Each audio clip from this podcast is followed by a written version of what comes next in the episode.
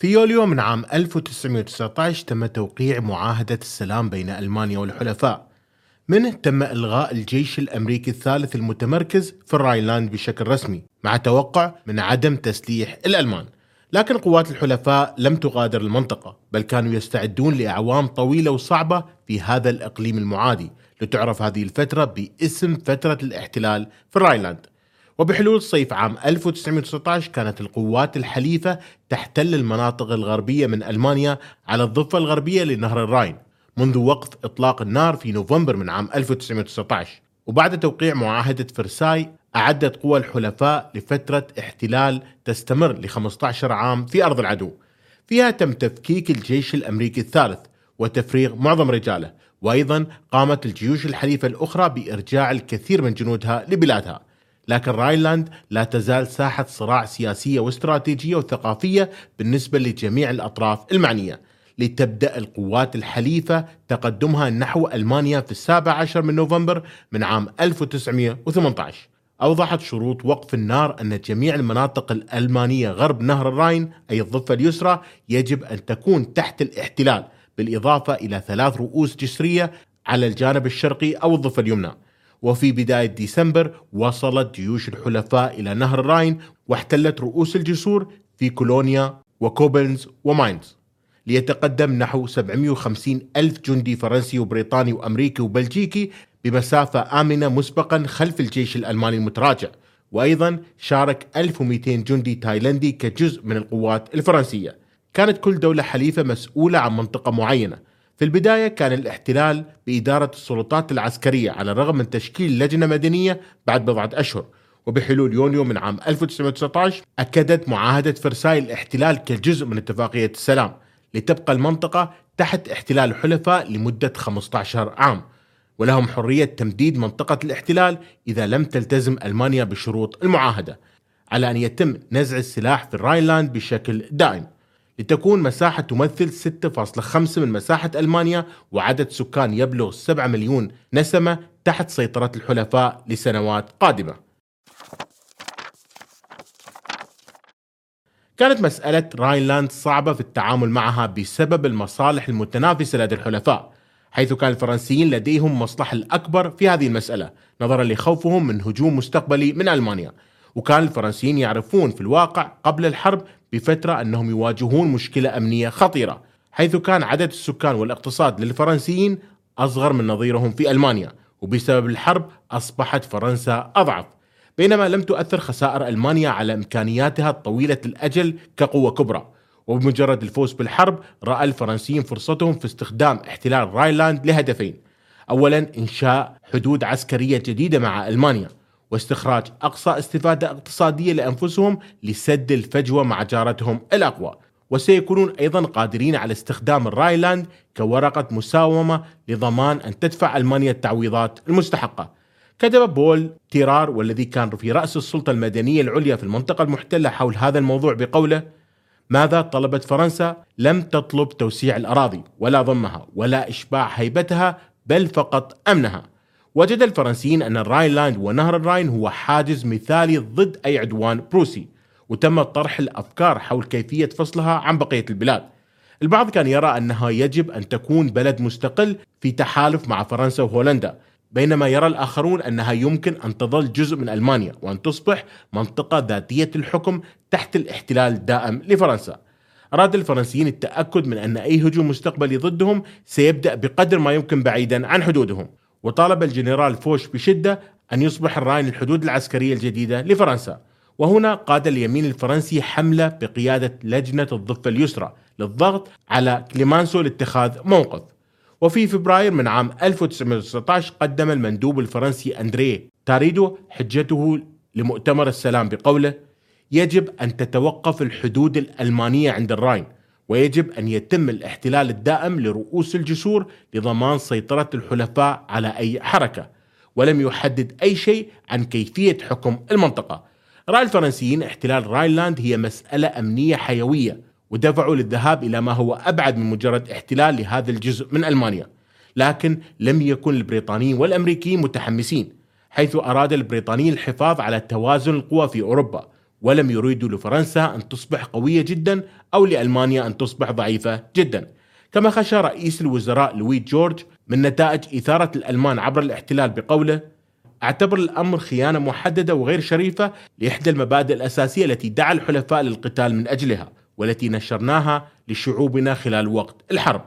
كان الجنرال البريطاني هنري ويلسون أكثر تعاطفا مع مخاوف الفرنسيين حيث قال: أعتقد أن فوش يتجاوز الحدود ولكنه في الوقت نفسه أوضح لي أن الدول المحايدة مثل لوكسمبورغ وبلجيكا عرضت جانب الفرنسيين للخطر بشكل زائد وبالتالي يجب اتخاذ بعض الاحتياطات مثل عدم إقامة القوات في الجانب الآخر لنهر الراين وعدم التجنيد الإلزامي للألمان في مقاطعات الراين أما على الجانب الأمريكي فقد كان الرئيس ويلسون معارض للأمر فقد ذكر بقوله إن سحب هذه الأراضي من ألمانيا سيعطي مجال للكراهية والعزم على تجديد الحرب في جميع أنحاء ألمانيا. وسيكون هذا العزم مساوي للمرارة التي يشعر بها الفرنسيين تجاه ألمانيا بسبب الأقاليم المفقودة اليانس ولوران. بالنسبة للألمان كان الراين موضع حساس سياسيا حيث كان نهر الراين رمز للهوية الوطنية والقوة العسكرية الألمانية. وموضوع للأدب الوطني والرومانسي مثل الأغنية الشهيرة تفخات أم راين أو الحرس على الراين. وبغض النظر عما سيفعله الحلفاء بالمنطقة فإن رمزية النهر ستزيد من التوترات. وافق البريطانيين بالكره على المشاركة في الاحتلال لأنهم خشوا من توسع القوى الفرنسية. وانضم الأمريكيين أيضا في المقام الأول للحد من تجاوز الفرنسيين للحدود. ولهذا بقى الراين جزء من ألمانيا ولكن لتهدئة مخاوف الفرنسيين وافق البريطانيين والأمريكيين على ضمان سلامة فرنسا في حالة هجوم ألماني مستقبلي. وهنا وقعت الاتفاقيات في الثامن والعشرين من يونيو على الرغم من أنها تتعارض مع مبادئ الأمم المتحدة. ولكن هذا الضمان مثل معاهدة السلام لن يتم تصديقه من قبل الكونغرس الأمريكي. لذلك على الرغم من الاختلافات الفرنسية مع الأمريكيين والبريطانيين تم التوصل إلى اتفاق بشأن الاحتلال وضمان الأمن المستقبلي بحلول نهاية يونيو. كان الجنرالات الفرنسيين على الرغم من تحفظات حلفائهم حريصين على رؤية ما يمكن القيام به بشأن فصل الراين عن ألمانيا بأي شكل من الأشكال. التقى مانجين بهانز دورتن محامي مهتم باستقلال المنطقة الوطنية عن بروسيا ومع دعم فرنسي بدأ يخطط لتغيير الوضع السياسي في الراين حيث كان ينوي إعلان جمهورية الراين في مناطق بلجيكا والأراضي المحتلة من قبل الولايات المتحدة لكن السلطات هناك رفضت هذا الأمر. ليصدر إعلان في المنطقة الفرنسية في الأول من يونيو ذكر فيه تأسست جمهورية الراين ذاتية الحكم جمهورية السلام داخل الاتحاد الألماني. دورتن في نفس الوقت آمن من أن الراين لا يزال تابع لألمانيا ولكن بشكل أضعف مما كان عليه في السابق. وخلال إعلانه ذكر بأنه يعتزم إنقاذ الراين من الشيوعية المتزايدة في ألمانيا اليمنى وتعزيز السلام من خلال معارضته للعسكرية البروسية. وفي النهاية لم يتحقق شيء من إعلان دورتن على الرغم من آمال الفرنسيين حيث لم يكن الغالبية من سكان الراين مهتمين بالانفصال بأي شكل من الأشكال. ولهذا فرد دورتن إلى فرنسا بعد بضع سنوات.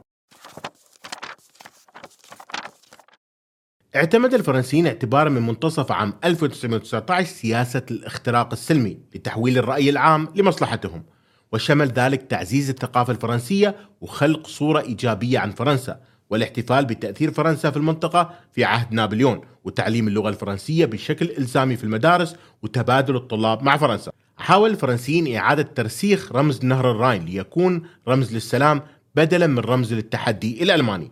لكن سياسة الاختراق السلمي فشلت لنفس الأسباب التي فشل فيها الانفصال السياسي لأن الناس أرادوا البقاء مع ألمانيا وشخصية الاحتلال الفرنسي العسكرية جعلت السكان يشعرون بالحذر من التقارب مع الفرنسيين. أصبحت العلاقة مع الجنود والسكان المحليين قضية مهمة حيث كان التوتر مرتفع. ولكن العنف كان منخفض نسبيا على الأقل حتى توقيع معاهدة السلام. الأراضي التي سيطر عليها الحلفاء كانت تعاني من اضطرابات وجوع. وضعت القوات البريطانية حظر التجول في الساعة السابعة صباحا وكان على المدنيين التسجيل وتم قطع الهواتف. وكان يجب الموافقة على استخدام السيارات والاجتماعات العامة وكانت هناك رقابة على الرسائل والصحافة وأيضا تم تغيير المنطقة الزمنية في هذه الأراضي وكان على الألمان رفع قبعاتهم أمام الضباط البريطانيين. تذكر إحدى القصص المنتشرة عن تلك الفترة أن فرقة موسيقية ألمانية خلال عزفها في أحد المطاعم لاحظت دخول ضباط بريطانيين فبدأت تعزف وقت أم راين أو حرس الراين فوقف البريطانيين بانتباه وعندما انتهى العزف شكر أحد الألمان الضباط على إظهارهم الاحترام. لكن البريطانيين ردوا ببساطة نحن حراس الراين قيل بأن موقف الأمريكيين كان أكثر تسامحا حيث ذكرت لائحة الأوامر الخاصة بالقوات الأمريكية بقولها يجب علينا المساعدة في بناء حكومة جديدة لتحل محل تلك التي دمرناها. يجب علينا إطعام أولئك الذين تغلبنا عليهم ويجب علينا القيام بكل هذا بتكتيك وصبر لا نهاية لهما وبتقدير حاد للذكاء الذي لا يزال يكمن في الجرح المفتوح لكبريائهم. قدمت قوات الحلفاء الغذاء للسكان في المنطقة الأمريكية فقد كان يتم إطعام عشرة آلاف طفل بشكل يومي. لهذا كان بعض الألمان يرون بأن وجود القوات الحليفة ضمن الأراضي الرأينية يضمن النظام الذي كان يتعرض للتهديد على الضفة اليمنى بسبب الثورة حيث كتب أحد السكان عن الفرنسيين يعطوننا الخنزير والدقيق والأرز وزيت الطهي وقبل كل هذا نحن محميون من الثورة. كان لدى الجنرال الأمريكي هنري جاكسون انطباع مشابه في مايو من عام 1919 حيث قال لا يبدو أن الشعب الألماني يشعر بالاستياء من وجودنا هنا على الإطلاق. في الواقع فهم بلا شك سعداء. حيث أننا بأي حال من الأحوال أفضل من البلاشفة وأيضا ذكر أحد سكان الرأي في مذكراته بقوله الفرنسيون ليسوا وحوش كما قالت لنا حكومتنا المجرمة والكاذبة.